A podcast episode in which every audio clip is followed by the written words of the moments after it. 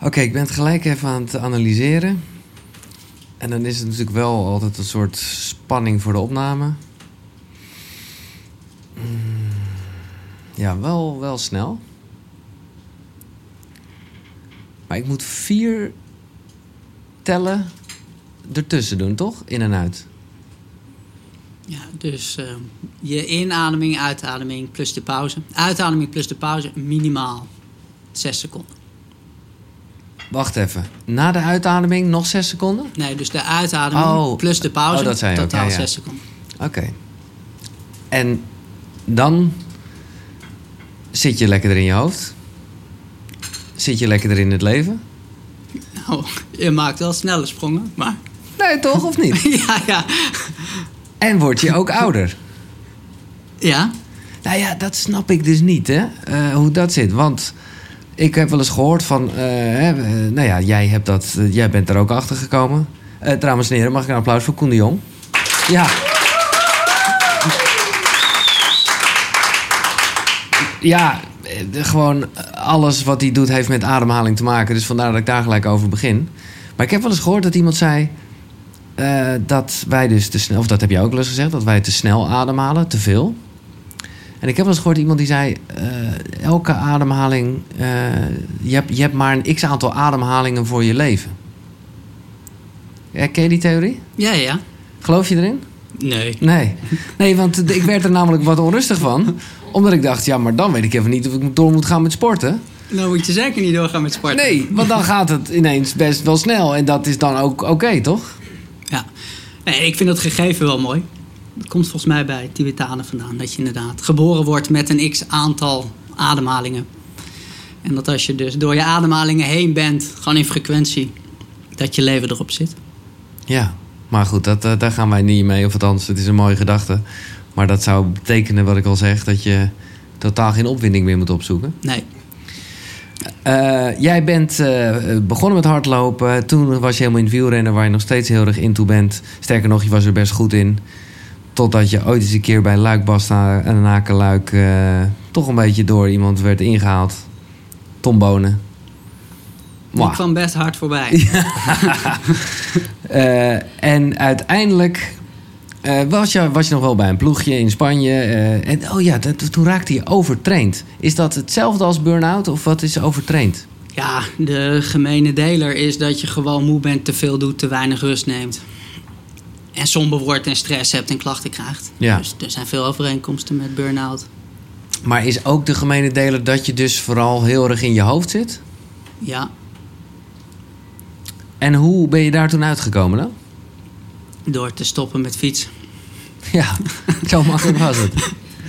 Zo makkelijk was het. Nee. Want Ja, je nee. zit ook in je hoofd, toch? Nee, zeker zit erg in je hoofd. Dus ik was eh, in Spanje terechtgekomen, want ik wilde profwielrenner worden. En ik zat bij een klein, kleine Spaanse ploeg. En ik kreeg geen salaris. Het was verder niet dat ik daar veel verdiende en dat het echt een baan was. Maar het was wel dat ik niets anders hoefde te doen. Dus ik kreeg een woning van de ploeg. Een fiets van de ploeg.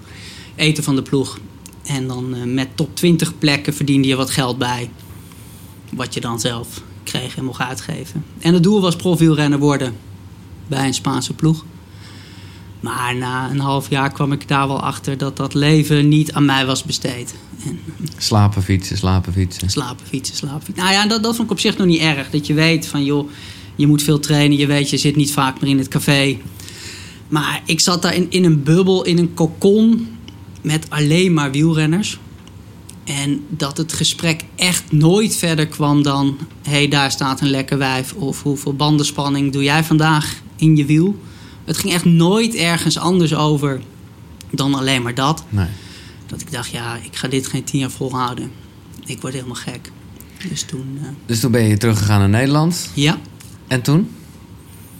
Nou, en toen was de, de trainster die ik had in Nederland, Stans van der Poel. Oh, die mij al veel leerde over ademhaling en over trainen Ja. met hartslag. Toen puur en alleen om die sportprestatie te verbeteren.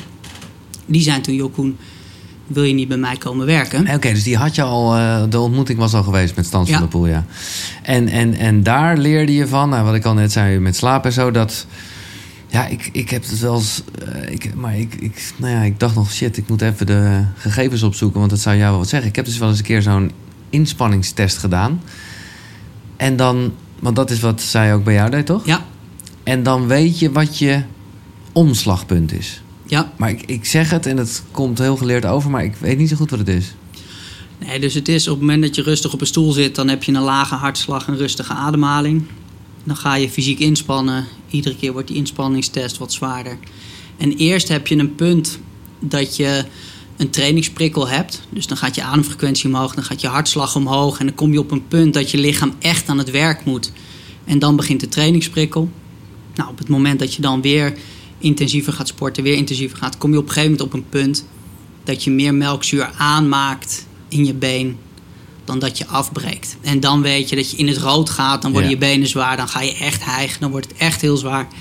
En dat is je omslagpunt, je anaerobe drempel. Ja. En waarom dat goud waard is om te weten, omdat je met zo'n omslagpunt weet eigenlijk bij welke hartslagzone jij het meest efficiënt sport. En dan ga je heel erg veel trainen in die zone. Ja, dus afhankelijk van je doel. Dus Ja, ja, op tuurlijk. het Ja. moment dat je zegt van ik wil afvallen, dan is dat een andere zone dan als je zegt ik wil profielrenner worden. Maar je kunt met die gegevens en die kennis heel veel doen. En het leukste is als je het echt weet en je gaat ermee trainen.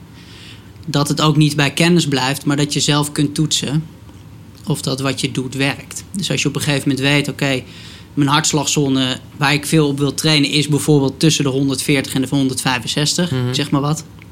En je gaat daar veel op trainen. Dan weet je na drie weken of wat je doet slim is of niet. Want op het moment dat jij harder gaat lopen of harder gaat fietsen bij dezelfde hartslag, ja, dan weet je dat, Ja, je, dat je vooruit gaat. Ja, ja, en dan wordt het natuurlijk echt interessant en leuk. Ja. Dat het niet alleen maar een getal is Nee. en, en kennis, maar dat het je eigen lijf is. Wat je gaat ontdekken. Dat als jij wat knoppen drukt, dat je echt vooruit gaat of niet.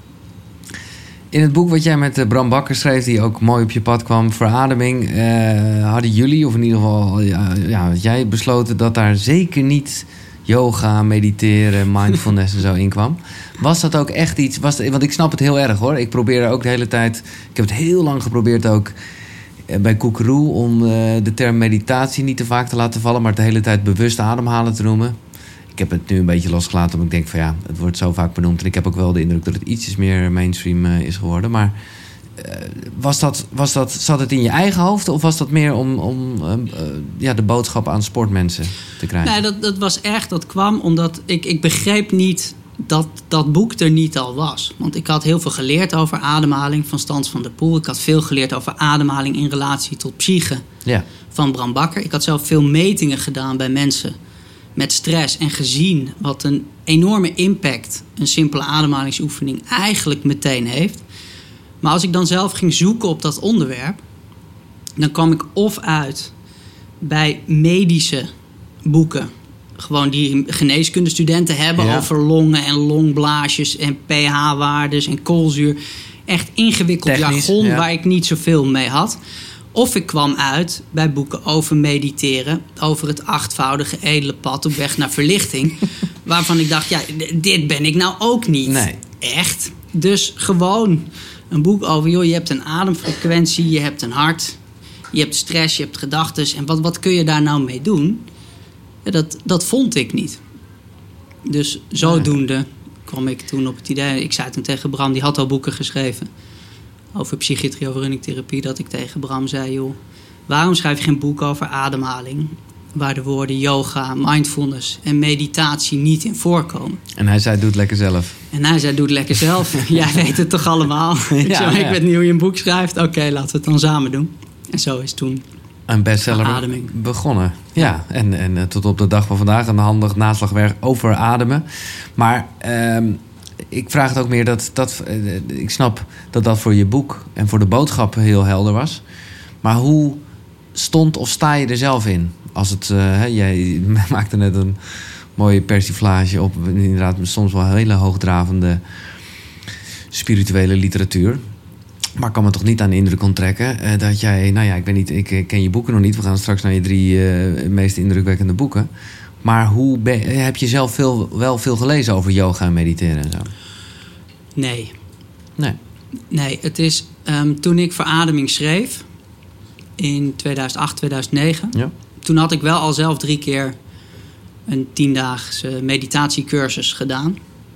En ik had Ja, zelf maar dat was zoiets- 2005, hè? Ja. Ja. ja. Dus dat was daarvoor al. Dus Ja. ik, ik mediteerde mezelf helemaal suf in die Nee, periode. oké, dat maar ik, noemde dat Nee, niet zo. exact, exact. Oké. Maar ik had zelf het idee na die cursus... dat dat, dat zo raak en puur en eenvoudig was... dat het complete tijdsverspilling was om nog al die boeken te gaan lezen. Dat ik dacht, ik kan beter gewoon gaan zitten... en die Ja. oefeningen gaan doen. Ja. Ja, je bent er gelijk hardcore ingegaan. Je bent gelijk eh, de, de, hoogste level begonnen ongeveer. Nou, ik denk niet dat het het hoogste level zal zijn... als je weet wat er nog meer is. Maar het Nee, was ja. een, Nou ja, nou ja dat, dat, dat, dat Vipassana, dat is, eh, ja, dat, dat is toch niet normaal? Nou ja, nou ja, normaal. Het is eh, zeer krachtig en bijzonder. Ja. Hoe, eh, want ik moet zeggen, ik heb je vooral eigenlijk vanwege dat boek uitgenodigd. Eh, ik had hier met jou willen zitten en dat we twee ervaringsdeskundigen zouden zijn. Eh, alleen, ja, ik kon dit jaar niet naar India en ik kreeg allemaal mailtjes terug van, ja, het gaat even niet gebeuren. Wat prima is, dan had het ook zo moeten zijn. Maar, Want jij had dit in India willen doen. ja, Waarom in India? nou, dat leek me dan gewoon leuk. Ja, ik, la ik las bij jou dat, dat in België en zo, maar toen dacht ik, ja, nee, dan wil ik ook echt daar gewoon in the middle of shit. eh, ja, ik weet niet. Ah, je zit op een kussentje van 80 bij Het maakt niet uit 80 waar je zit. Ik centimeter met je ogen dicht. Ik snap het, Koen. Ik snap het. Ik snap het. En ik, ik moet zeggen hoeveel uren ik wel niet verzanden in... welke zal ik nemen, precies met deze gedachte... dat ik eigenlijk ook wist, het gaat nergens over. Maar, eh, nou, ja. Ja, heb jij het alleen maar in België gedaan? Eén keer in Nederland. Ook Oh ja. in de Glint. Ja. Dus dat was Ja, nog iets ik. minder exotisch dan helemaal naar België gaan. Ja. En één keer in Duitsland. Gewoon omdat die data ja, ja, ja. goed uitkwamen. Dingen. Nee, ik ben het met je eens hoor. Maar ik zou er dan ook nog wel iets aan koppelen. Maar eh, voor de duidelijkheid. Het is tien dagen lang. eh, niks anders doen dan mediteren. Nou, ik heb hier super veel vragen over. Om te beginnen. Waarom heb je zo laat dat boek geschreven? Nou, ik, ik heb het gedaan in 2005 voor de eerste keer. En het boek heb ik geschreven inderdaad in 2018. Ja. Dus, dus nogal veel later. En dat kwam heel erg omdat ik zelf dacht... Ik was toen zelf nog veel bezig ook met ademhaling en, en meten en apparatuur. Dat ik heel erg het gevoel had dat, dat die rol mij beter lag om naar buiten toe... te De- zeggen, joh, meten gewoon- en rugdekking van cijfers en van getallen... en van die kennis en, en van die achtergrond... En ik dacht ook van ja, wie ben ik nou in vredesnaam om, om een boek te gaan schrijven over mediteren? Ik bedoel, er zijn mensen die zijn, die zijn verlicht en die doen het al zoveel langer en die weten er zoveel meer over. Wie, wie ben ik nou om, om daar een boek over te gaan schrijven van, over mediteren en, en hoe dat moet? Dat voelde echt een beetje ongemakkelijk en, en raar. maar, maar dat zei je net ook al inderdaad met verademing. Dat is toch iets waar, waar je, waarvan je dacht, ik doe het wel. Maar ik treed er niet mee naar buiten toe. Want dat, ik heb gewoon even een andere rol met betrekking tot ademhalen. Ja. Maar toch, waarom dan later wel? Nou ja, omdat eh, met, met sportrusten kregen we veel bezoekers op de website. En we zijn bezig met ochtendritueel. We zijn bezig met, joh, wat doe je nou zelf dan met die ademhaling? En vaak, als ik een enthousiast verhaal had gehouden over ademhaling en ademhalingsoefeningen en wat dat deed, vroegen mensen dan toch mee over welke oefening doe je zelf nou eigenlijk? En dan moet ik zeggen, ja, eigenlijk doe ik die oefening allemaal niet. Ik doe eigenlijk alleen maar anapanna-meditatie. Echt iedere dag bewust. Dat zit in mijn ritueel. En wat is dat? En wat is dat? Dat is dat je die ademhaling niet stuurt, maar alleen maar observeert. Ja, fucking Dus moeilijk eigenlijk. De, ja, de opdracht is: observeer je ademhaling, blijf gelijkmoedig en beschouw het. Nou, dat lijkt makkelijk, maar dat is nogal een pittige oefening. Daar kwam je achter in 2005 toen je het voor het eerst deed. En, Ja. en toen helemaal nog redelijk bleu erin stapte. Maar ja, je had het helemaal geboekt en je kon er niet meer vanaf. Je schrijft dat echt fantastisch. Het is een- echt een aanrader. Ik heb, deze, dit boek heb ik echt letterlijk in de middag uitgelezen. Omdat ik gewoon zo nieuwsgierig was. Tien dagen stil heet het. Uiteindelijk, dat vond ik zo verrassend. Want je beschrijft hoe, hoe vreselijk het was. En hoe je knieën naar de kloten gingen. En, en, en nou ja, dat is een beetje een spoiler, maar eh, dan is het boek eh, klaar en dan zeg je ja, ik heb het daarna nog een stuk of 10, 15 keer gedaan. En toen dacht ik, oké. Dus, dus, maar dat, eh, ja, dat dus, dus, je, dus het was in die end wel heel bijzonder.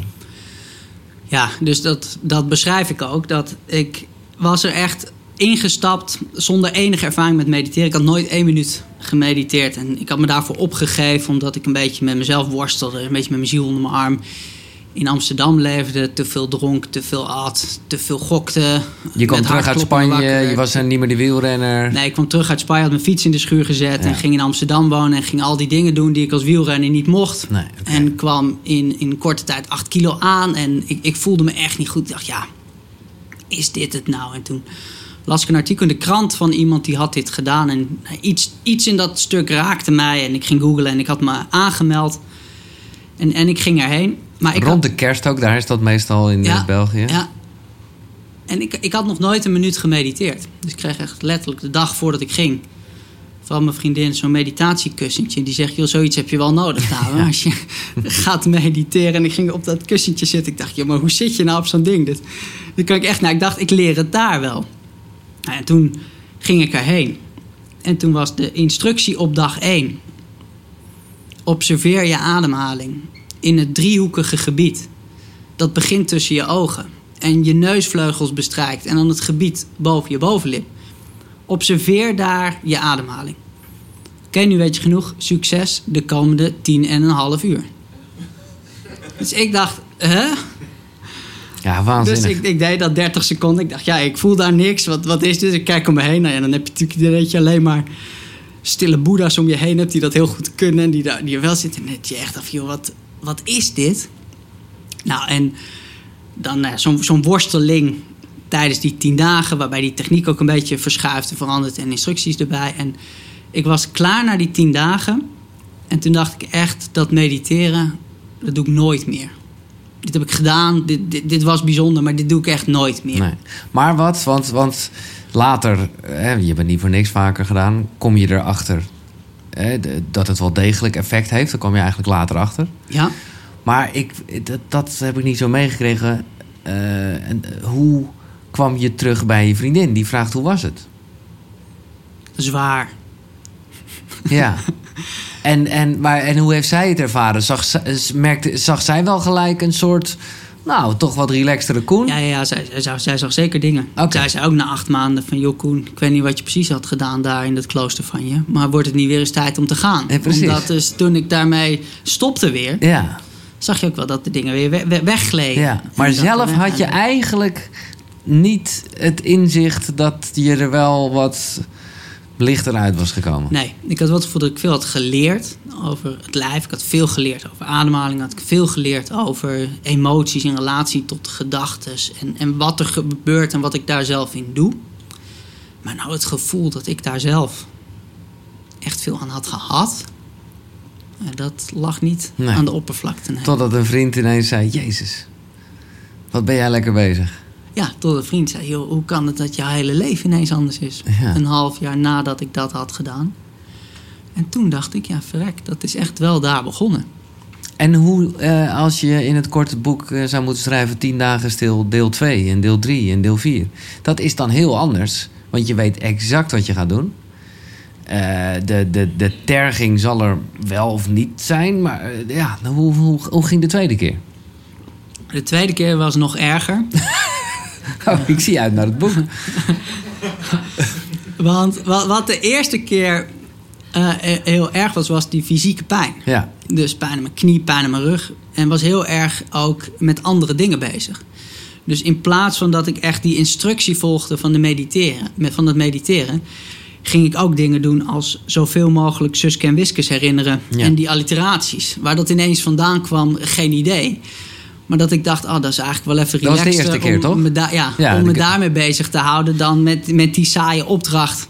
Guns N' Roses liedjes. Ik moet zeggen, daardoor, omdat ik gewoon echt uh, merkte ik dat ik bij mijn eigen volgende meditatie dat automatisch ging doen. dat, ik, toch dacht, hoe ver zou ik komen? Nou, daar, kan je, daar kan je best. Uh, daar kan je, Kun je best echt lang mee bezig zijn. Dus de eerste keer had je nog wat leuke games voor jezelf. Ja, Ja. maar de tweede keer, toen dacht ik wel, ja, dit, dit brengt me echt... Ik moet dit heel serieus nemen. Ja, ik weet wat me te doen staat. Dus ik moet echt gewoon van minuut één... Hoe Bam. beter ik mijn best doe met die opdracht van die mediteren... hoe meer ik eraan heb. Dus ja, ik, ik ga erheen, ik ga het nog een keer doen. Dus ik ga echt mijn best doen. Dus toen ging ik echt gewoon met mijn aandacht... die oefening doen. En wat gebeurt er dan? Die fysieke pijn die verdwijnt als sneeuw voor de zon op een of andere gekke manier. Maar er komt wel nog een enorme berg bagger boven. Emotioneel en met hechtingen en met angsten en met dingen. Nou ja, toen dacht ik op een gegeven moment wel... Doe mij die pijn in mijn knie maar weer. Ja, dat is wat overzichtelijker. Dat is en en kan je dat, of is dat te persoonlijk? Kan je de, wat, wat, wat kom je dan tegen? Nou, een van de dingen die, die echt heel, heel heftig waren voor mij toen... was de tweede keer was mijn vriendin zwanger. En nou, we hadden afgesproken van... joh, eh, ja, is goed om te doen, ga erheen en dingen. En ik zat daar dus weer met oud en nieuw. En op een gegeven moment, eh, 31 december... zei ik daar tegen zijn manager... want je mag niet praten met Nee. andere mediteerders... dus je zegt niks. Liefst niet eens kijken. Maar ik zei tegen de manager, want er is één manager met wie je dan praktische zaken mag bespreken. Zoals je ook bent met tandenborstel vergeten. Of met tongschraper. of met de meditatieleraar. Dat je dan kunt vragen van joh, ik, ik worstel met die instructie over dat mediteren. Wat kan ik daarmee doen? En ik zei tegen die manager, ik zei joh, ik, ik ga weg. Ik ga naar huis, ik heb mijn spullen ingepakt. Ik zeg, ik ga weg. Dus die manager zegt, ja, dat, dat mag niet zo. Maar dat moet je aan de leraar vragen. Waarop ik al zoiets had, ik bepaal toch zelf wel. Of ik wegga of niet. Maar ja, oké, je moet aan de leraar vragen. En Dus ik, ik ging naar de leraar, ik zeg, ik, ik ga weg. Dus die leraar die zegt, ja, waarom ga je weg dan? Dus ik zeg, ja, mijn vriendin is zwanger en het is oud en nieuw. En eigenlijk is het toch beter dat ik vanavond daar ben. En toen zei de leraar, jij mag niet weg. Dus ik zei, "Ho- hoezo niet dan? Hij zegt, ja, dat je vriendin zwanger werd, dat is niet hier gebeurd. Bedoel, dus dat was al zo, dat wist je. Dat het nu ineens oud en nieuw is, dat is ook niks nieuws. Dat, dat was al zo. Dus je hebt thuis overlegd met die kennis dat je hier zou zitten. Dus nu moet je het afmaken. Want anders, dan hadden we iemand anders op jouw plek kunnen zetten. Bam. En had hij dit tien dagen kunnen doen. Dus Zo. jij mag niet weg, ga maar, ga maar weer zitten. Dus ik dacht echt, ja, wat is dit nou? Nee, nee, ja, hij heeft eigenlijk wel ook gelijk. En ik, ik ging weer zitten mediteren en observeren, observeren. En op een gegeven moment zie ik echt heel helder het beeld... dat mijn vriendin bevalt van een donker jongetje. Zo. Echt super levendig en echt dat mijn vriendin bevalt van donker jongetjes. Dus ik denk, oh, ik ben niet de vader. En ik begin een partijtje te janken. Te janken, te janken. Ik zit daar te janken, te janken. En als je mij vooraf had gevraagd, joh, ben je bang dat jij de vader niet bent? Nou, echt geen seconde dat ik dat Nee. had meegenomen of dat dat speelde bij mij. Maar als je gaat graven... Maar zo diep. Nou, en dat kwam echt zo binnen daar. En nou ja, alleen maar. En, nou ja, dat, dat heeft een uur geduurd. En daarna voelde ik me zo lekker. Ja. Dat ik dacht, ik ga hier nooit meer weg. De volgende etage. En Ja, ja, dat je ineens, dat je echt voelt. Terwijl ik dat helemaal niet door had dus. Maar ik dacht, ik moet weg en worstelen. En, eh, en dat dat er dan uitkomt. Nou ja, en dit is een voorbeeldje. Maar Nee, ja, een heel mooi voorbeeld. Dat soort dingen aan de lopende band. Ja. Of je denkt, hé, waar komt dat dan vandaan? En, en heel heftig. En ook wel wat bewuster dus dat je nu dan zelf misschien wel voelde na afloop... echt, ik zit er weer lekker in. Ja. Ja, eh, Ja, dus na die tweede keer ben ik thuis ook wel gewoon begonnen te mediteren. En ben ik dat blijven doen. ja. En om de hoeveel... Is het lang geleden dat je nog een keer tien dagen stil bent geweest? Het is nu drie jaar geleden. Oké. Dus jij zei 10, 15 keer. Ik ben nu ze- zeven keer geweest. zeven keer. 15 jaar, dus het is ongeveer één keer in de twee jaar. Ja, ja. Ja, ja, ja. Is, maar raad je het aan? Zeker. Zeker. Zo, zo leerzaam. Zo leerzaam. En heb je bijvoorbeeld nog contact eraan overgehouden? Want het gekke is, je hebt dus geen contact met die mensen. Maar er is dan wel, dat omschrijf je ook heel erg. En dat heb ik ook wel andere ja, reviews en dingen over gelezen. Er is dan toch op het laatste een soort theemomentje. Als ik het goed begrijp. Ja, dus de, de tiende dag mag je praten. Ja, En de elfde dag ga je naar huis. Dus Ja. de, de laatste dag. maar je hebt toch, weet je, je, je, het is niet de bedoeling, maar je ziet toch andere mensen. Je gaat daar toch ook over nadenken. Je gaat er voorstellingen van maken. Het is allemaal, nou ja, wat onze mind doet. Dus ik kan me voorstellen dat het toch, die, dat die tiende dag, ja, het moet wel een soort euforisch iets zijn. Ja, ik, ik, ik worstel zelf altijd enorm op die tiende dag. Aan de ene kant denk je, oh fijn dat ik weer mag praten. Aan de andere kant voel ik dan nog totaal niet de behoefte Nee, nee, om meteen van alles te vertellen en te duiden en, en te horen. Dus ik Ja. speel op de tiende dag eigenlijk altijd een beetje verstoppertje daar. Beetje, nou ja, je, je komt wel eens iemand tegen met wie je dan wel even een gesprekje hebt. Maar En los van misschien persoonlijke perikelen, kan je ook heel erg overzicht hebben op de wereld. Ik weet dat, nou, mensen allemaal wel eh, die boeken kennen van Homo sapiens. En ik weet even niet hoe die schrijver heet, fucking moeilijke naam. Die heeft dus zijn boeken volledig bedacht tijdens, eh, ja, ik kan het niet zo goed uitspreken, Vipassana? Vipassana? Vipassana? ja, volgens mij die, die uitspraak Nou ja. verschilt. Want of het Pali is of Burmees of dingen, die uitspraak is natuurlijk ook allemaal anders. Wat zeg jij, hoe noem jij het? Vipassana, dat zeg oh, ik. Maar. Zo mooi. Maar die, eh, heb, jij dat ook, heb je ook zoiets dat je gewoon echt, nou, misschien voor sportrusten of gewoon zakelijke dingen gewoon onwijzen? Of, of gewoon over de wereld of over de mensheid? Ja, ja, zeker. Je hebt zeker momenten dat je echt helemaal voorbij dat denken en voorbij dat ego komt. En dat er dan eens plop, dingen, dingen opploppen. Dat je inzichten krijgt op een manier dat je denkt... ja, dit, dit bedenk je niet met Nee. je hoofd of met ja, die mate van analyseren wat we gewend zijn. Maar dit, ja, plopt ergens vandaan. En soms is dat praktisch inderdaad met, met werk, met sportrust of iets. En soms is dat inderdaad over de wereld. Dat je denkt van hé, hey, maar iedereen zit daar wel ingewikkeld af te doen. Maar dat is eigenlijk heel makkelijk op te lossen. En hoe zie je dat dan? Omdat toch, ik, eh, ik begrijp nu dat je dat toch moeilijk vindt om, eh, om, om dat heel spiritueel te benoemen. Maar is dat een connectie met iets?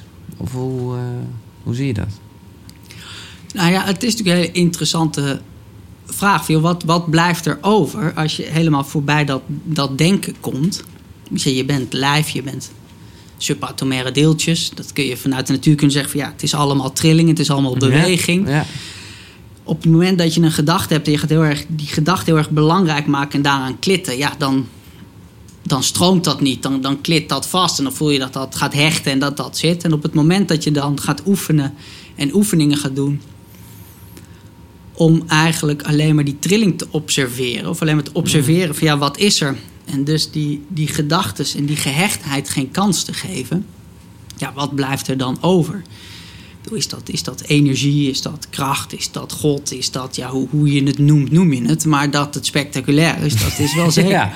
Nee, oké, maar hoe, eh, hoe heb je het voor jezelf verklaard? Als je, je, je, je, je maakt zoiets mee, dan, ga je, dan wil je dat ook een soort plekje geven van... Ik geloof maar dat het dat is. Ik geloof dat het goed is. En ik, heb niet, ik doe niet zoveel moeite om dat een plek te geven. Waar ik, waar, waar ik veel Ja, moeite... maar vind je het eng of niet? Ik, vind- ik vind dat je het heel erg uit de weg gaat. Zodra het dan een beetje... Ik bedoel, ik zeg niet... Ik bedoel, het zijn onverklaarbare dingen, maar... Ja. Nee, ik vind het niet eng. Ik vind het verrukkelijk. Ik weet alleen dat ik dat niet in woorden ga kunnen vangen. Nee, precies. Dus dat ja, is het. Ja, ja, in zo'n gesprek wordt dat onhandig. Want Ja. dan moet ik woorden geven aan iets Ah, wat fucking goed. super krachtig is en groot is. Waarvan ik weet, ja, Taal het is de er. belemmering. Ja, ja, ja, je voelt het. Ja. Maar ja, als ik je nu dat Nee, de- moet uitleggen, dat gaat niet lukken. Dan snap ik je nu gelijk helemaal. Dat is, ik weet niet, heb je ooit de, de behoefte gehad om iets met ayahuasca-achtig iets te doen? heb ik gedaan. Oké. Toen schreef ik dat boek. En toen zei ik tegen een vriend van mij, ik zei, joh, eh, ik ben bezig met een boek nu toch over dat mediteren en vipassana. Dus hij zegt, joh, wat doe je dan? Dus ik leg uit wat je, wat je doet met die techniek. En hij zegt, joh, wat brengt dat je dan? En wat gebeurt er dan? Dus ik leg dat uit.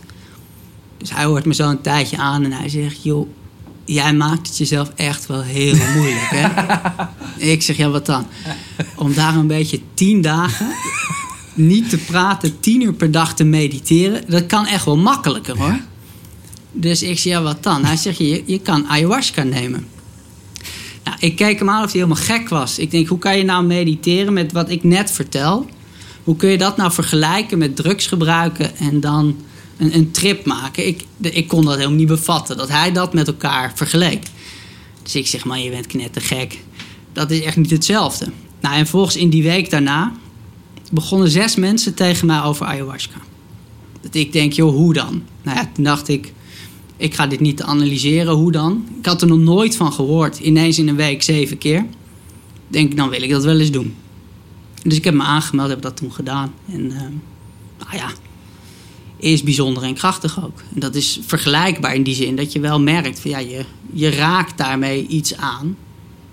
Ja, waarvan je wel denkt, wauw. En dat je niet denkt, joh, ik zit in een trip. Maar dat je wel daarna ook voelt van ja, vrek, dat is gewoon ook waar. Mhm. Nee, ik moet zeggen, ik vind... eh, Want heb jij dat wel eens gedaan? Ja, dat heb ik vrij recent gedaan. En daarom begin ik hierover. Omdat ik jou hoor vertellen hoe moeilijk, eh, ja, hoe moeilijk het is eh, om uit te leggen. Dat je ineens heel erg de beperking van taal voelt. En van ja, eigenlijk de dimensies die wij zien. Omdat je gewoon denkt, ja, maar het is meer alleen, ik kan het niet uitleggen. Daarom moest ik eraan denken. Ik vind dit overigens, eh, ja, het is natuurlijk nog wel veel puurder op het moment dat je het 100% uit jezelf haalt. Ik ben helemaal niet tegen de plantenmedicijn, maar ik vind, ik vind het veel krachtiger om het met je eigen ademhaling te doen. Ja, Ja, ja het, het kan allebei. dat kan alle twee. Heb je het daarna nooit meer gedaan? Jawel, nog twee keer. Oh, oké, Ja. top. Oké. Nee, oké, leuk. En nog andere soorten, eh, want ik bedoel, ja, het is voor mij echt een nieuwe wereld, hè, Koen. Eh, ik, het is, ik, ik, ik, man, ik hoor mezelf dingen zeggen waarvan ik eh, een paar maanden geleden, de, de, nou, wat jij hebt met de ayahuasca, dat had ik eigenlijk ook tot een paar weken geleden. Maar nu, is er, nu hoor ik weer, oh, maar oh, dan heb je ook nog dit plantenmedicijn. En heb je wel eens San Pedro en heb je wel eens, weet ik wat allemaal. Nee, ik heb verder geen andere nog gedaan. Ik ben daarin wel ook vrij, nou ja, saai of trouw. Of, Nou ja. ik, ik voel me niet zo de behoefte om dan heel erg te winkelen ook, of, of om dat Nee. allemaal te doen. Ik denk van, joh, dit is goed. En als iets zo duidelijk ineens op mijn pad, op mijn deur, aan mijn deur klopt, dan denk ik, nou ja, dan, dan spring ik erin. Maar ik heb En- geen andere. En hoe kon je, of had je het gewoon al opgeschreven, jaren na dato nog zo goed vertellen wat er die eerste keer gebeurd was? Want dat is dus eh, echt, echt jaren later dat je eh, met dit boek bent gekomen. Ja, en dat, nou dat komt omdat ik wel naar exact dezelfde plek eh, nog terug ben gegaan. Ja, ja, ja. Oké, je bent een soort Waardoor- herbeleefd Ja, bijna. waardoor Ja, je ja, het gewoon opnieuw beleeft. En Want je mag daar niet schrijven of iets opnemen. niet schrijven, nee. nee. nee, nee. Dus, Oké. eh, en er zijn ook dingen die ik hier beschrijf in de, in de eerste keer, die de tweede keer. Nee, precies. Het is een soort mengel. Dat ik eh, dacht nee, dat begrijp ik. eh, Het om is die dagen verhaal. goed te houden. Maar het is, het is allemaal de eerste of de tweede keer Ja, gebeurd. ja, ja. En dan, eh, ja. Helder. Nou ja, dat wat betreft Vipassana. Tenminste, tenzij je er nog iets over kwijt wil. Ja, ik vind het fascinerend. Ga het doen. Ga het doen, ja. En, en hoe heb jij dan, dan komen we gelijk even bij je, bij je dagelijkse ochtendroutine of avondroutine. Hoe heb jij dan nu in je normale leven geïmplementeerd, zeg maar? Nou, in principe zet ik de wekker om kwart voor zes. Dan begin ik met een glas water en dan met eh, wat opdrukken. Gewoon eh, koud water? Ja, Oké. dan begin ik met wat opdrukken. Niet om sterk te worden, maar om wakker te blijven bij het half uur mediteren, wat ik daarna doe. En dan doe ik een half uur Half uur, zo. Of eh anapanna meditatie, dus dat, dat observeren. Ja, Of als ik dat wil doen en mijn hoofd eh, dringt zich wel erg op met allemaal gedachten en ideeën en plannen. Dan doe ik een oefening van, van Wim Hof ja, ja, ja. Dus dat, precies. met ademhaling. En dan daarna dat. En dan daarna? Daarna ga ik een kwartier lezen. Non-fictie. Ja, precies. Een boek, Exact. nou ja, een kwartiertje lezen. Daarna ga ik een kwartiertje opschrijven. Nou ja, wat ik die dag wil, wat me brengt. Oefeningen met dankbaarheid. Met... Kijk, en dat, dat schrijf ik op. En dan pak ik wat potloodjes en pennetjes en eh, kleuren bij. Dan maak ik een heel... Ja, Kleurenfestijn mooi van ritueeltje, ja, dan, ja, ja, eh, leuk. Heb je een hoekje in je huis? Dat doe ik gewoon aan, aan ta- Ja, ik heb wel een hoekje voor dat mediteren. Ja, ja, dat, dat schrijven en zo doe ik gewoon aan, aan tafel. En dan eh, drink ik een kopje koffie. En dan begint de dag. Eh, mis ik hier bewust het ontbijtje? Ja, ik ontbijt eigenlijk nooit. Nee. Nee. Dus een soort intermittent fasting-achtige... Ja. Oké. En eh, de koude douche doe je er niet achteraan? Nee, dat is eigenlijk het enige van alles wat ik in al die boeken beschrijf... en mensen aanmoedig om te doen... Wat, waar ik mezelf niet altijd toe kan zetten. Ja, dat is wel eerlijk. Dus in de, in de winter, de, de gracht in, in Amsterdam... dat doe ik twee, drie keer in de week met, met, met veel plezier en, en graag. Gewoon omdat het iets meer hardcore is, Ja, uitdaging. het is een avontuur, het is Ja, buiten, ja, het is ook vaak met anderen. Ja, en als je dan eenmaal daar op die steiger staat, ja, dan, dan spring je er ook in en dan, gebeurt er echt wat. Maar dat, dat koud douchen, ik zeg vaak tegen mezelf, nou, vandaag niet. En dat kan wel eens weken achter elkaar. Dan gebeuren dat dat, dat, dat er niet van komt. Nou ja, wat, ja. Nou ja, dan eh, ja, eh, eh, Koud Kunstje. Ik denk dat dat jouw... is dat je grootste boek? Met alle vertalingen Nou, en zo? Ja, het is, dat is natuurlijk heel veel vertaald. In Amerika loopt dat ook heel goed. Wim Hof is in Amerika heel groot. Ja. Ja, en dat is in het Japans, in het Duits, in het Hongaars, in het Portugees, Frans, Italiaans. Heel veel landen vertaald. Dus wat dat betreft zeker ja. het grootste. In Nederland zijn er van verademing wel. Oh ja, natuurlijk. Ja, ja.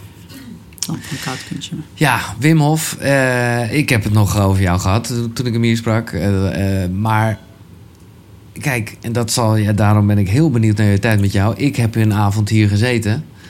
Ik was kapot, natuurlijk. ja, ik had hem wel eens eerder gehad. En dat was, dat was gewoon veel meer met de radio en zo. Maar hier zat ik echt een uur met hem. En ja, nee, het is tof. Soms vond ik het ook bijna jammer. Dan dacht ik, oh Wim, je hebt zo'n goed verhaal. Maar je vertelt het zo...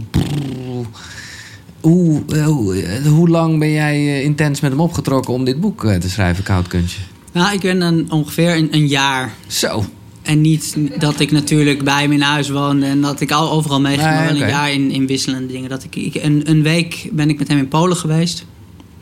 Toen hebben we al die dingen gedaan. Jij doet met urenlang die ademhalingsoefeningen. Ja. En dan daar ijskoud water in, in zo'n waterval. En 10 minuten in een bak Maar dan zitten ga je ook echt en graden. zo, toch? Of, ja. eh, ja. Ja, dus dat gedaan. En het bleek wel vrij snel dat, dat dat de enige manier was om dat boek eruit te krijgen. Dat de aanpak die ik in mijn hoofd had, absoluut niet werkte En die was? bij Wim Hof. Want die was dat ik met een notitieblokje en een pen bij hem op bezoek kwam. Dat ik hem vragen stelde, dat hij antwoord gaf. En dat ik een beetje meeschreef en naar dat boek over ging schrijven. Dat was een methodiek die, die niet werkte. Ik weet heel goed de eerste keer uit het tuinhuisje hier in, in Amsterdam. En ja, we hadden besloten, joh, we gaan samen dit boek schrijven. Oké, dus kom maar langs.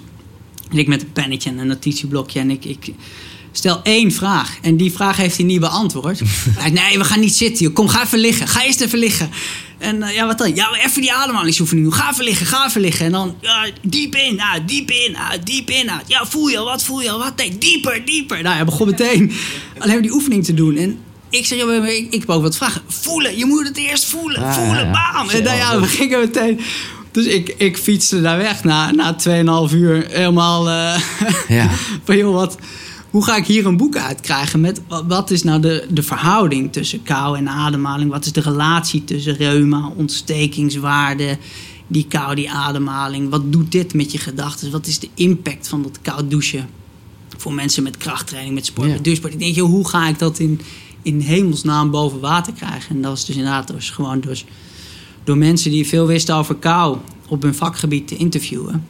En met Wim Hof gewoon op te trekken, mee te gaan. Ja. Want dan komen op de meest onverwachte momenten pareltjes van anekdotes, van one-liners, van kennis van zijn leven. Dat was, dat was de manier, ja. Ja, nou ja, het is En ook een een heel helder ook. boek geworden. Dat is echt. eh, maar hoe, als ik het eh, aan jou zou vragen, wat, eh, ja, wat is de kracht van. Nou ja, de combinatie is er dan. Hè, dus een ademhalingstechniek en, en koud douchen. Nou, waar het heel veel bij doet, is bij mensen met een ziekte met een hoge ontstekingswaarde. Dus reuma, Crohn, nou ja, er, worden ook de, milde depressies worden steeds meer gelinkt ook aan hoge ontstekingswaarde in het bloed. En Ja. En hoe komt dat? Is het omdat, het, omdat, het, werkt. omdat het afleiding geeft? Omdat, eh, dat nou, het lijkt erop dat, dat die eiwitten die eigenlijk je eigen lichaam bevechten terwijl ze dat niet zouden moeten doen, die worden weer control alt gedelete op een gezonde, goede manier, zodat ze wel weer hun werk goed gaan doen. En voor mensen die niet een ziekte hebben met een hoge ontstekingswaarde, zie je dat het mentaal ongelooflijk veel doet op een hele makkelijke manier. Het is, we hebben het net over mediteren gehad, over Mhm. gedachten. We kennen natuurlijk allemaal wel dat gevoel dat gewoon dat hoofd maar aan de haal gaat en van hot naar her springt, terwijl jij op een gegeven moment rust wil of stilte wil. Mhm. Nou, als het je met mediteren niet lukt om dat hoofd een beetje te temmen, dan lukt het je met kou zeker wel. Want Ja. als die gracht 5 graden is en je springt in de gracht, nou, no way dat Nee, er nee, iets nee. in jou denkt. Oh, dan moet ik niet vergeten om als ik hieruit kom, om die nog even een mailtje te sturen. Oh, maar dit is, dit is heel grappig dat je dit zegt. Want, maar dat vind ik ook slecht van mezelf. Maar ik heb een soort omgekeerde truc nu tegenwoordig. Omdat ik... Ik doe het wel elke ochtend, koud douchen. Eh, twee minuten, zo lang doet mijn tandenborstel erover. Maar dat, er zijn momenten dat je echt denkt... Oh, weet je, het is elke ochtend weer... Dus ik, ik snap je ook eigenlijk heel erg goed. Maar goed, dat heeft eh, Wim Hof zelf ook nog. Elke ochtend denk je, oh nee, ik heb er echt geen zin in. Ik ga het niet doen, maar je denkt wel, ik ga het wel doen. Want het is een overwinning en je weet dat je daarna fijn voelt. Maar wat ik dus de laatste tijd doe... omdat ik heb gemerkt, dan gaat het sneller... is eh, om dan aan dingen te gaan denken. Omdat ik er inmiddels best wel iets beter in ben geworden. En nu zitten we ook in de zomer. En dan denk ik ook echt vaak, hey, is hij wel koud genoeg? En, eh, maar dat is dus, ik doe eigenlijk een beetje een soort omgekeerd ding. Want dan denk ik heel erg van, oh, laat ik gewoon even denken aan wat ik allemaal vandaag moet doen. Want voor ik het weet zijn dan die 30 seconden voorbij. En dan, eh, nou, of, twee minuten is het Ja. uiteindelijk. Ja, maar dan, dan is het te makkelijk geworden al. Ja. Want ik denk, denk, ik, kijk, het kan natuurlijk niet zo... Als jij nu in een wak stapt, in, in Finland, bij min 20... dan kan ik echt niet meer nadenken. Dan denk je echt niet, dan kun je dit, deze truc niet doen. Want Nee. dan is het te heftig Ja. wat, wat je daar ja. overvalt. En dat is wel iets wat je juist op wil zoeken ja. met die kou. Dus ik moet ook gewoon eh, lekker de gracht in jumpen. en Zo. Maar ik vind het al, maar ja, goed, we zitten nogmaals nu in de zomer. Het is overal eventjes, lijkt het wel te makkelijk. Ja. Dus nou ja, wordt vanzelf weer december. Ja, nee, precies. Dat, dat komt vanzelf goed. Maar ondanks het feit dat jij het zelf niet doet, raad je het dus aan om vanwege die eh, in, in, in de basis die, ja, die twee redenen. Ja, ja, dat zijn de twee waarvan ik zelf zeg van joh, dat, dat is be- bewezen. En dat voel, of dat voel je meteen dat dat het effect is. Maar ben je het met me eens, en respect voor de guy, hè, dat mogen duidelijk zijn, maar dat het soms bijna jammer is dat het bij Wim verdrinkt in, ja, vanuit passie, hè? Maar in brrr, zoveel hupseflup stelsel. En ja, ik ben sowieso niet zo biologisch wetenschappelijk eh, onderbouwd. Maar ja, en ze allemaal gelijk hebben, maar gooit er dan zoveel termen in. Ja. Nou, nee, ik, ik heb niet dat idee nu van dat, dat dat jammer is. Want als je ziet wat, waar hij vijf jaar geleden stond, waar hij tien jaar geleden stond, waar, waar hij nu staat. En ja, zeker. ho- hoeveel wetenschappers er met hem aan de haal gaan en het echt onderzoeken. En hoeveel goeroes en eh, bekende Amerikanen dan hem omarmen en hem een podium geven Ja. om, om dat te doen. Dan denk ik, ja, dit is Wim, dit, dit is zijn manier. En eh, dat het daarmee zo ongelooflijk groot wordt Ja. en rondzinkt. Ja, Dat je met je eigen lijf, met ademhaling en kou echt wel een hoop kunt doen. Ja. Dan denk ik, nou ja, honderdduizend diepe buigingen voor Nee, Hof. dat En ja, wat hij dan Ben je ook ja. bekend met, met zeg maar variaties erop? Hou je dat nog in de gaten of niet? Ik heb, ik moest even zijn naam opzoeken op eh Tijdloos. Het is nog een gesprek dat online, online komt. Gesproken met eh, Jerome Carsons. Die heeft dan weer een eigen eh, breeding methode bedacht. Welke is dat? Ik ken hem nog Nou nee, het is zijn eigen ding dus. Nou, het is, het is heel erg op Wim Hof hoor. Dat zal hij ook. eh, alleen het is een wat rustigere variant. En, en dat heb ik ook gemerkt dat met mediteren eh, dat wel een ding kan zijn. Er zit een soort trucje bij met je tong. Je tong in je gehemel te leggen. Eh, nee, maar serieus. Dat is namelijk wat ook nou ja, het allerlei geloven komt. Dat je ook dan niet kan nadenken als je tong op die plek is. Ja, Heb je er ooit over gehoord? ja. Maar lukt het bij jou? Heb je het geprobeerd? Ja. En lukt het, denk je dan minder, of niet? Ja, denk het wel. Nee, ik, ik, ik, ken de techniek, maar het, het lukt mij niet.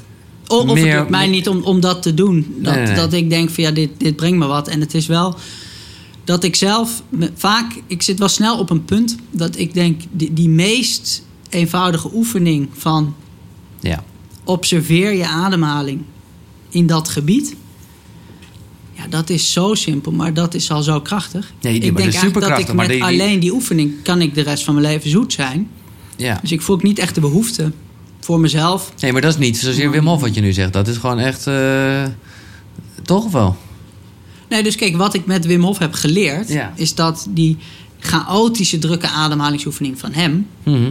Die brengt mij veel op Ja. het moment dat mijn hoofd. Ja, ja, ja. Onrustig zo, zo is. zet je hem in als een soort tool. Ja, ja. Dus dan heb ik, door dan een gecreëerde chaos te maken met die hele heftige ademhalingsoefening van Wim Hof, dat vindt mijn chaotische brein op dat moment prettig. ja. Want dan is er nogal afleiding voor dat hoofd. En op het moment dat ik dan dat inzet om daarna die observatieoefening te doen, merk ik voor mezelf dat is een ritueel dat, dat past en dat voelt goed en Mm. dat, is, dat is voor mij bruikbaar. Maar ik kom wel graag uit bij die meest eenvoudige oefeningen. Ja, maar eenvoudig is niet altijd het makkelijkst. Maar dat is wel... eh, Ja. Nee, ik snap het wel. Maar ben jij de hele dag of vaak echt bewust van je ademhaling? Is dat een soort door... Want dat is de grap, hè? Dat had je zelf bij wijze van spreken achteraf pas door. Dat alle boeken die over totaal verschillende onderwerpen gaan... namelijk Wim Hof, eh, eh, over wielrennen, over... eh, hoe heet het? De marathon. En nou ja, en je laatste boek dan natuurlijk zeker. Het gaat allemaal over ademhalen. ja. Ben je er heel erg bewust van de hele dag eigenlijk? Nou, niet in de zin van ik, ik ben nu bewust van mijn ademhaling, maar wel dat ik hem de, de hele dag heb ik dat, dat mee. Ja. Dat als ik op een, in een nieuwe ruimte kom, Ja. dan duurt het nooit lang voordat ik even met aandacht bij mijn ademhaling ben. Wauw. Als kompas om te denken, Ja. is deze ruimte goed voor mij? Ja, ja. nou, en op het moment dat ik merk, van, joh, ik stap hier binnen. Je kijkt hier uit. Nou, je ziet eh, Amsterdam Centraal Station, je ziet hier dat water. Alleen maar lieve, leuke mensen met, met mooie gesprekken. Als je die ruimte binnenstapt. En dan observeer ik even mijn ademhaling. En denk ik van, ja, ja, dit is echt wel een goede stek. Dan kan je erin zakken. En dit, dit is fijn. En op het moment ja, dat ik ergens een ruimte binnenkom, nou ja, waar of de mensen niet prettig zijn of er iets anders is, dan, dan voel ik wel dat dat op mijn ademhaling slaat. En dan is dat wel ook meteen een manier. Maar dat je bij jezelf waarneemt dat je ademhaling onrustig wordt, is dat hetzelfde als een oefening doen. Want het waarnemen, dan wordt hij vanzelf rustiger omdat je hem dan even verlengt. Precies. Ja, het is een beetje een soort kip-ei-ding. Dat ik weet het oprecht niet. Is het zo dat je zeg maar van slag bent, op welke manier dan ook, en, dus, en daarmee je ademhaling aanpast? Of wordt je ademhaling aangepast en word je daardoor van slag? Nou, ik denk zelf dat eh, die ademhaling aan zich is nooit de oorzaak. Nee, oké, die volgt gewoon. Tenzij je longemfyseem Nee. hebt en die longblaas niet doen, dan, dan Ja, is ja, die ademhaling aan zich de bron van, van onrust of gejaagdheid. Maar in principe, ja, als die longen het goed doen en als dat systeem goed werkt, dan is daar geen aanleiding om de boel te verstoren of onrustig te doen. Het is een reactie op Ja. iets. En hoe heb je dat met seks dan? Wat met seks? Nou, dan, dat, daar gaat je ademhaling natuurlijk ook. Maar ja, over de kop. Of niet? Dat weet ik niet. Hoe dat, Nee, dus je kunt met ademhaling. Ik weet niet, ken je Reinoud Eleveld? de, de naam is mij, ik ben heel erg. eh, de naam eh, is niet de eerste keer dat hij tot mij komt.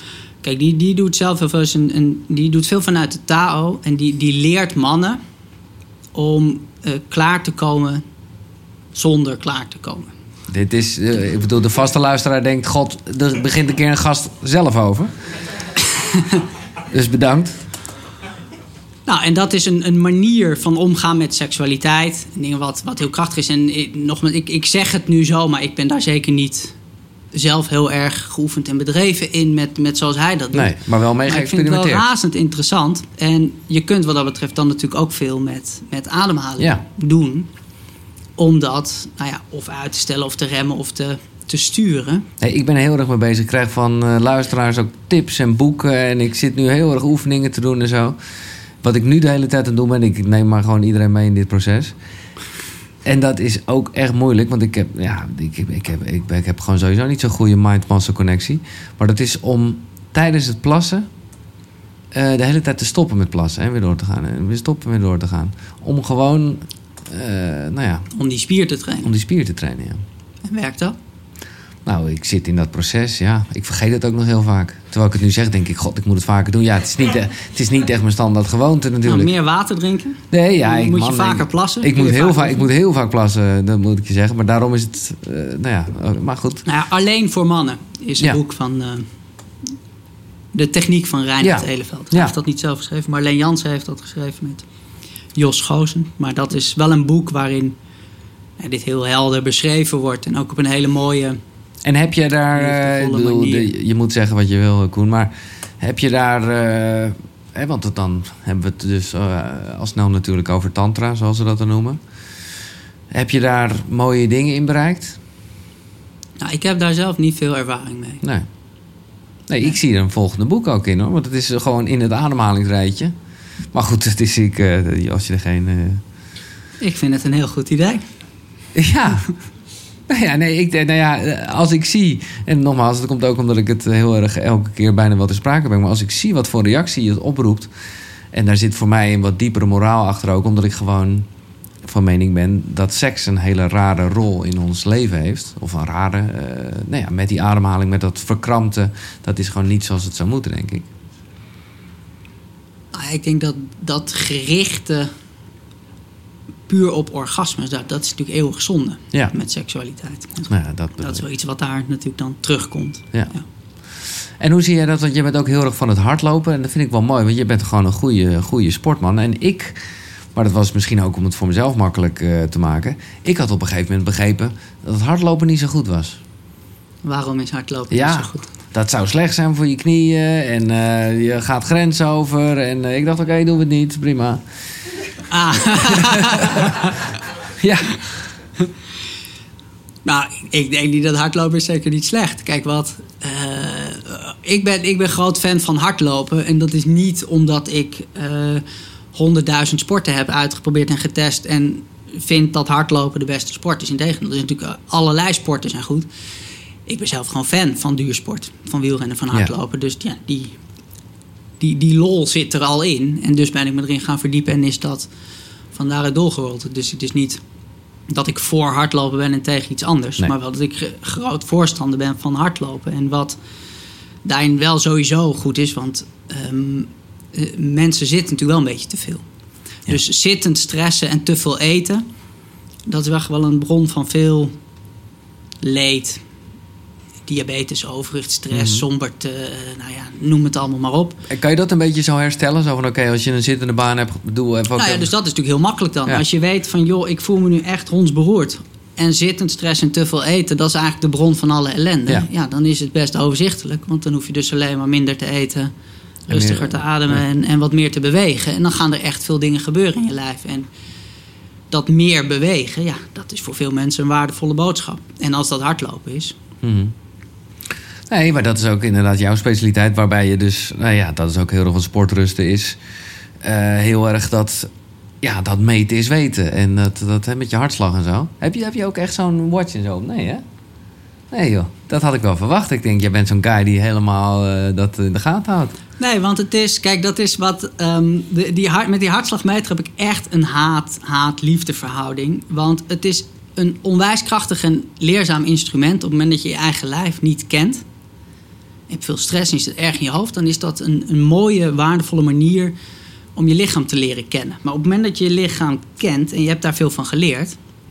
Ja, dan kun je het ook gewoon voelen. Mhm. En dan wordt een hartslagmeter heel snel ook een gevaarlijk instrument. Als dat het doel op zich wordt. Ja, ja, ja. En dan moet die zo laag en dan moet het alleen maar dat en dan moet het zus. En als die hartslag een doel op zich wordt, ja, dan. Schiet je wel een beetje doel voorbij. Ja, en dat gebeurt natuurlijk aan de lopende band. Ik bedoel, je, hebt, je, je wil kinderen iets moois bijbrengen. Dus je zegt, joh, ga naar school en daar leer je wat. Want dat is leuk. Vervolgens denk je, ja, een manier om te kijken of ze echt iets geleerd hebben is een toets. En vervolgens wordt die toets en dat cijfer het doel op zich. Mhm. En schiet je dat hele leren voorbij. Nou ja, met geld is dat natuurlijk Ja. gebeurd. Echt een superhandig Ja. ruilmiddel. Maar ja, Ja. dat het een doel op zich wordt, het is het een ramp. En dat is natuurlijk dat wat heel vaak gebeurt. Een heel handig middel. Als het een doel op zich wordt. En dan vergalopeer je je wel. En dat is met een hartslagmeter hetzelfde. Dus ik heb inderdaad eigenlijk nooit... Maar is dat niet, eh, of heb ik daar dan een slecht beeld van... dat je hiermee een beetje je eigen business onderuit haalt? Of wat, wat sportrusten? Nou kijk, weet je wat de business van sportrusten is? Mijn zoon die heeft dat een keer heel treffend samengevat op een schoolplein. Toen ik stond te praten met iemand. En mijn zoon komt eraan en de vader vraagt aan mij... Koen, wat doe jij eigenlijk voor werk? En mijn zoon zegt... Mijn vader zegt tegen mensen dat ze langer moeten uitademen. Ja, maar- En hij rent weer weg. Dus die vader die zit me aan te kijken van... joh, wat doe je echt? Ik zeg, ja, nee, dat is het eigenlijk wel. fantastisch. En, en hij zegt, ja, maar kun je daar dan van leven? maar ja, dat is eigenlijk wel Ja.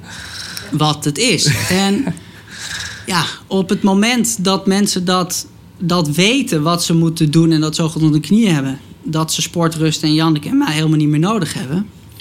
ja, dan denk ik dat wij ons doel meer dan bereikt hebben.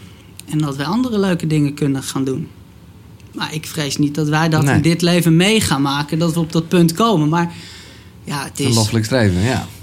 Ik bedoel, ja, dat is de business onderuit halen. Ja, je Nee, kan nee, andere dingen verkopen, dingen, maar dat, daar ben ik niet zo mee bezig dan. In die zin van ja. Nee, nee, nee. nee. Eh, ik heb jou gevraagd, eh, zoals elke gast, om de bibliotheek, de Koekeroe-bibliotheek, eh, groter te maken. En, en de boekenlijst komt online hoor, geloof me. working on it, maar het is maar een klusje. Maar daar gaan weer drie boeken aan toegevoegd worden. Ehm, in willekeurige volgorde. Wat, welke boeken heb je uitgekozen? Ik ben heel benieuwd in jouw geval. Want het, ja, ja, ja, nou ja, bij iedereen trouwens. Maar het kan echt van alles zijn. Ja, ik, het is natuurlijk echt ongelooflijk. Het is heel ingewikkeld om drie boeken uit te kiezen. Ben En jij een lezer sowieso? Ik ben een onwijze lezer, maar ik, ik lees niet veel eh, non-fictie. Daar word ik zelf een beetje kriegelig van. Dat je Ja. dan echt een, een boek leest van... oh, nu ga ik leren hoe je moet mediteren... of nu ga ik leren hoe je dat... of nu ga ik leren hoe je dat... Dus ik, ik begin de dag ermee. En is dat één boek waar je dan steeds een stukje uit doet? En dat, dat, dat wisselt dan. ja, het zijn een paar En- boeken. Ja, oké. En nou ja, dat, dat zijn allemaal boeken over die, eh, die, die zelfhulpboeken. Wat ik dan wel prettig vind om iets te leren of iets op te steken of om een, een zetje de kant op te doen. Maar het zijn nou zelden de boeken waarvan ik denk van ja wauw, daar word ik heel Dat zijn nog niet de boeken van. die je hebt meegenomen dus? Nee, er zit niet echt zo'n... Oh, maar mag ik dan toch even weten, los van deze drie boeken... noem, noem een zelfhulpboek waar je af en toe 10 minuten uit leest. Ben ik toch echt heel nieuwsgierig naar. Ja, tolle. Ja, dan precies. de kracht van nu. Ja, oké. Zeker. En medite- meditatie van Goldman en Davidson. Zeker. Ja, die twee Ja, die, die komen. Maar goed, dat zijn dus niet de boeken die eh, jij inbrengt. Welke, nou, laten we beginnen met een boek. Ik heb Zo, ehm, dat is maar even een de boek, hè? essays mee van Michel eh, de Montaigne. En het, het is een enorme pil. Dit zijn En al zijn is, essays, ehm, ja, het is 1600 bladzijden, maar het, het leest in die zin heel makkelijk. Want het zijn allemaal losse essays. Dus Ja, ja, het is niet een boek wat je van A tot Z Nee, moet lezen. Maar het zijn allemaal losse essays. En sommige zijn twee, drie bladzijden. En sommige zijn, Ja. zijn, zijn langer.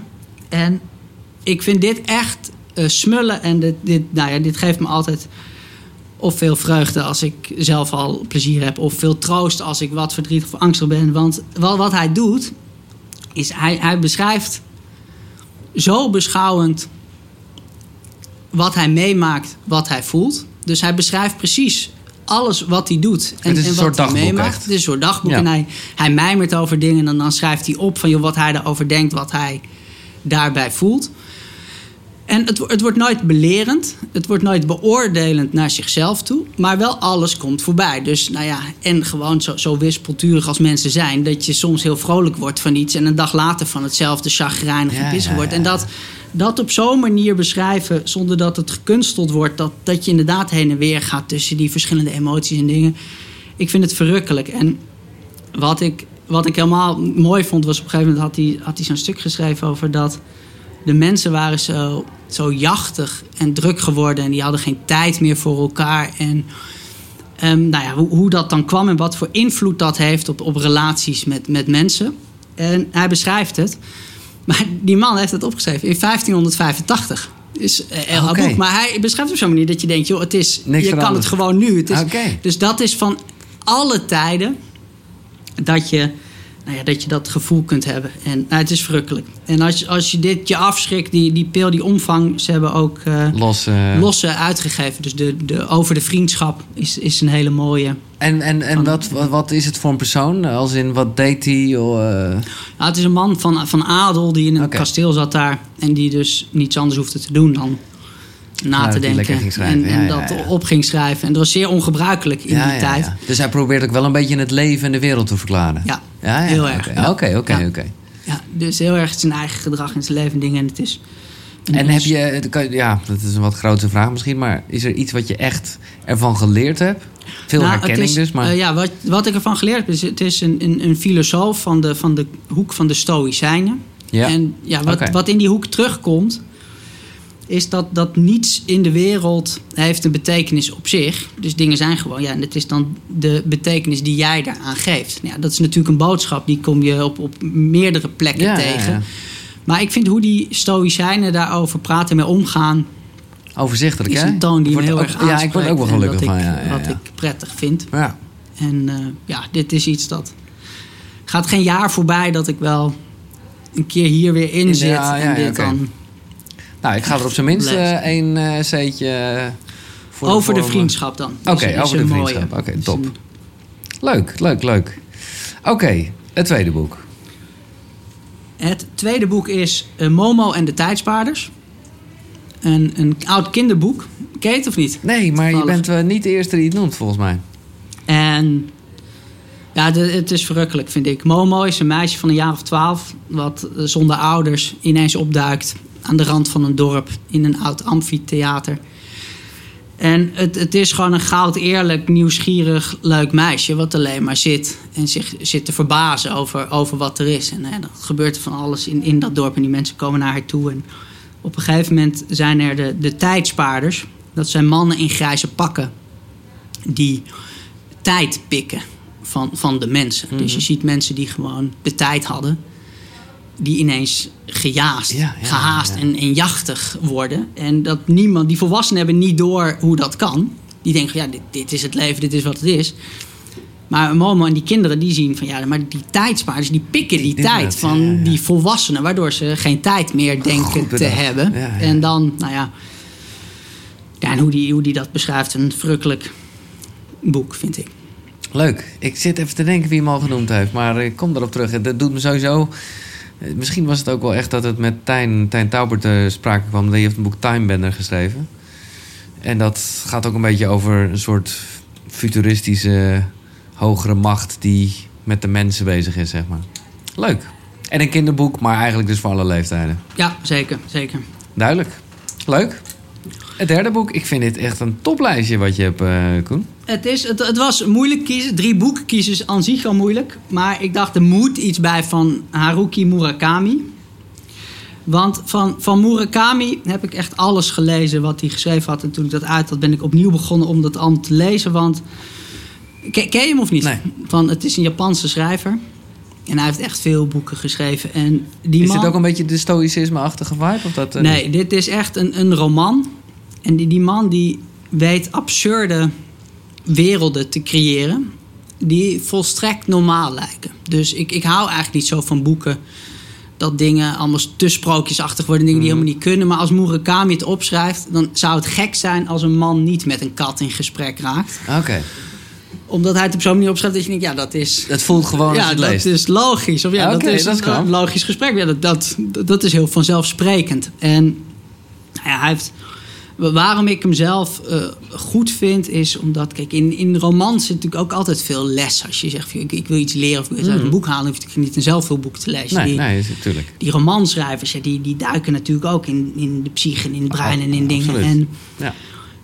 en nou ja, Murakami is wat dat betreft om, om te smullen. En op iedere bladzijde staan twee metaforen waar je vrolijk van wordt. En hij neemt je mee in een gedachtenstroom van die mensen. En het, het grappige is dat het zijn vaak hele gewone mensen die een beetje eh, zullig zijn. Die dan de meest woeste en dingen eh, overkomen. Dat ze er zelf een beetje naar staan te kijken van ja, nou ja, het overkomt of het Ja, gebeurt. precies, en die ja, daar dan een beetje zo in zitten. En nou, ik vind het En nu eh, heb je specifiek gekozen voor Kafka op het strand. ik heb gekozen voor Kafka op het strand. Omdat nou ja, die, die hoofdpersoon hier... Die, die gaat al- alleen op zoek naar iets. En die, die, die eenzaamheid...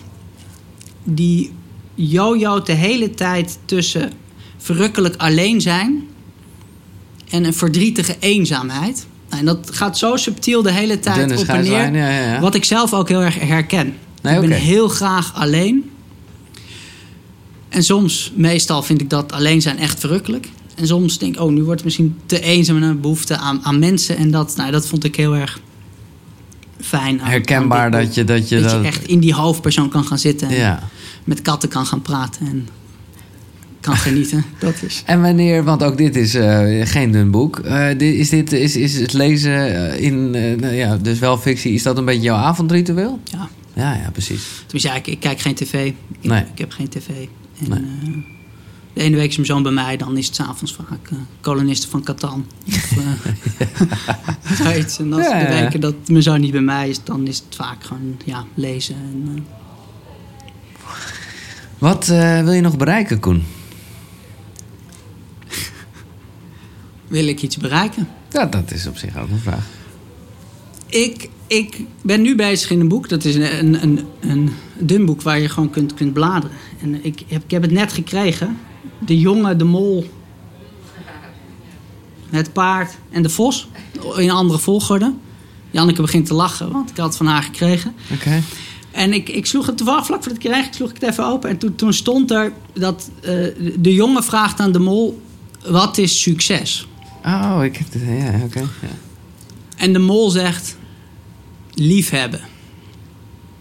Nou, dat vond ik eigenlijk wel een hele mooie. Dus in de zin van, joh, wat wil ik bereiken? Ik heb niet van, ik, ik heb een doel en daar wil ik heen. Maar ik heb wel het gevoel van, joh, als wij ons met sport rusten. Als we heel dankbaar kunnen zijn. En ons dienend kunnen opstellen. En een hoop mensen meenemen in rustig ademen, bewegen, Mhm. gezond eten. En je creëert daarmee samen wat. Ja, dat. En, en de mens, Koen de Jong, is die ook gewoon goed bezig met liefhebben? De mens, Koen de Jong, is goed bezig met liefhebben. Ja, nee, het, omdat jij, ik vond het opvallend dat je me eventjes naar sportrusten gooide. Wat ik snap, want dat is wie je bent en waarvoor je Ja, staat. nee, ja, als je het hebt over doelen, dan gaat Ja, het automatisch daarheen. Ja. Ja, tuurlijk. Als je het hebt over, joh, wat wil Ja. je zijn dan? Beetje nu. Een Wat- Ja, wat zeg je dan? beetje in het nu. Een beetje in het nu. Ja, Zoveel ja. mogelijk zitten. ja.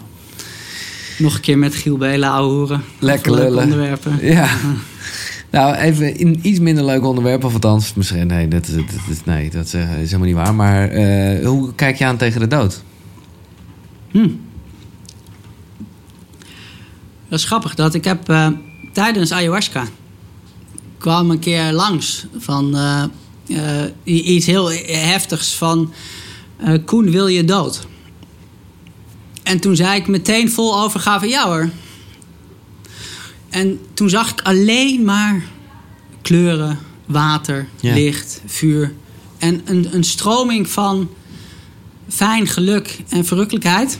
Dat ik dacht, is dit de dood? Ja, dit is de dood. Oh, wauw.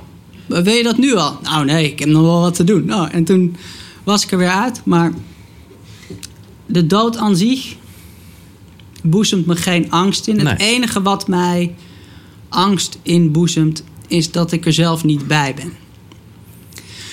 Dus dat idee van, joh, eh, ga slapen en overlijd in je slaap. Een beetje met het gevoel van, joh, dan, dan merk ik dat zelf niet, want dan gebeurt het in mijn slaap. Dat lijkt me afschuwelijk. Ja, ik denk ja. toch, ja, ik wil. bij mijn geboorte heb ik er niet echt een beeld Nee, bij. precies, ik hoop toch bij de dood dat ik er wel echt bij ben en dat ik het mee mag maken hoe dat dan is. Dan nog liever overreden worden dat je zo nog eh, jezelf uit eh, voelt Dat je het gaan. wel even weet. Nee, ik van, begrijp wel eh, wat je zegt. Ja, ja, ja. Maar goed, ik heb geen haast. Ik hoop dat het nog even duurt. Maar het is, Nee. ja. En al enig idee voor een, een volgend boek? Nou, ik ben, ik ben nu bezig met een, een boek, Tem je brein.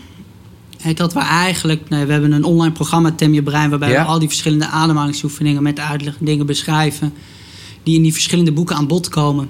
En er was behoefte aan wel om een soort werkboekachtig Ja, ja, met ja, en die oefeningen en wat luchtige anekdotes en wat inspiratie en wat achtergrond te, te bundelen in, in één boek. Daar ben ik mee bezig. En daarna denk ik dat er toch wel eens van gaat komen om een roman te schrijven. Oké, ja, nee, ja, ik, ik voelde heel erg de passie daarvoor inderdaad. En daar kan je alsnog wel inderdaad een mooie moraal in kwijt. Ja. Maar, nou, laatste ding nog even over, over Tem de Brein. Want dat, nou ja, we hebben het wel eh, natuurlijk de hele tijd benoemd. Maar heb jij daar zelf... eh, ja, wa- wat zijn voor jou de zwakke plekken? Want jij lijkt mij ook hier in het gesprek... Ik heb echt waanzinnig respect voor hoe overzichtelijk, rustig... Nou ja, echt alsof je, alsof je zojuist inderdaad weer tien dagen Vipassana hebt ge- ge- gehad. Maar dat zal niet zo zijn altijd, hoop ik. Of hoop ik, denk ik. Nou denk ja, ik. dit is natuurlijk ook wel gewoon een, een fijn gesprek Nee, een fijn plekje. Nee, dus dan is dat nee. niet, niet zo Maar wat, moeilijk. wat zijn jouw valkuilen wanneer je, je, je brein toch nog eventjes de baas wordt? Nou, ik vind dat moeilijk in, te zeggen van, joh, wat, ik weet wel wat het, het, het, het zwakke punt bij mij is, is of zwakke punt, wat, wat vaak terugkomt als ik echt veel mediteer, als ik echt diep zit, als ik echt weinig tv kijk, als ik echt denk van, oh wauw, ik zit helemaal zeg maar in die spirituele wereld, Mhm. dat wat op een gegeven moment echt om voorrang gaat schreeuwen is eh Leffe Blond en Champions League. Ja, ja, ja. Dat ik enorme behoefte krijg om in cafés te zitten en bier te drinken en voetbal te kijken. Terwijl ik eigenlijk denk, ja, eigenlijk interesseert me ook weer niet echt. Ik vind het ook een beetje gek, die, die competitiedrang met, met dat voetbal. Maar aan de andere kant trekt dat dan ook heel erg. Dus ja, is dat dan een zwak punt? Dat weet ik niet, maar dan, Nee, maar... ja, dan, dan, dan trekt dat. Ja, en verder denk ik wel dat ik mijn leven zo ingericht heb... dat het in het dagelijks leven eigenlijk niet veel voorbij komt. Ja, het is het, het werk wat ik doe, de rituelen die ik Ja. heb, dingen, dat, dat kan allemaal... past dat heel mooi in elkaar en versterkt het een het ander juist heel erg.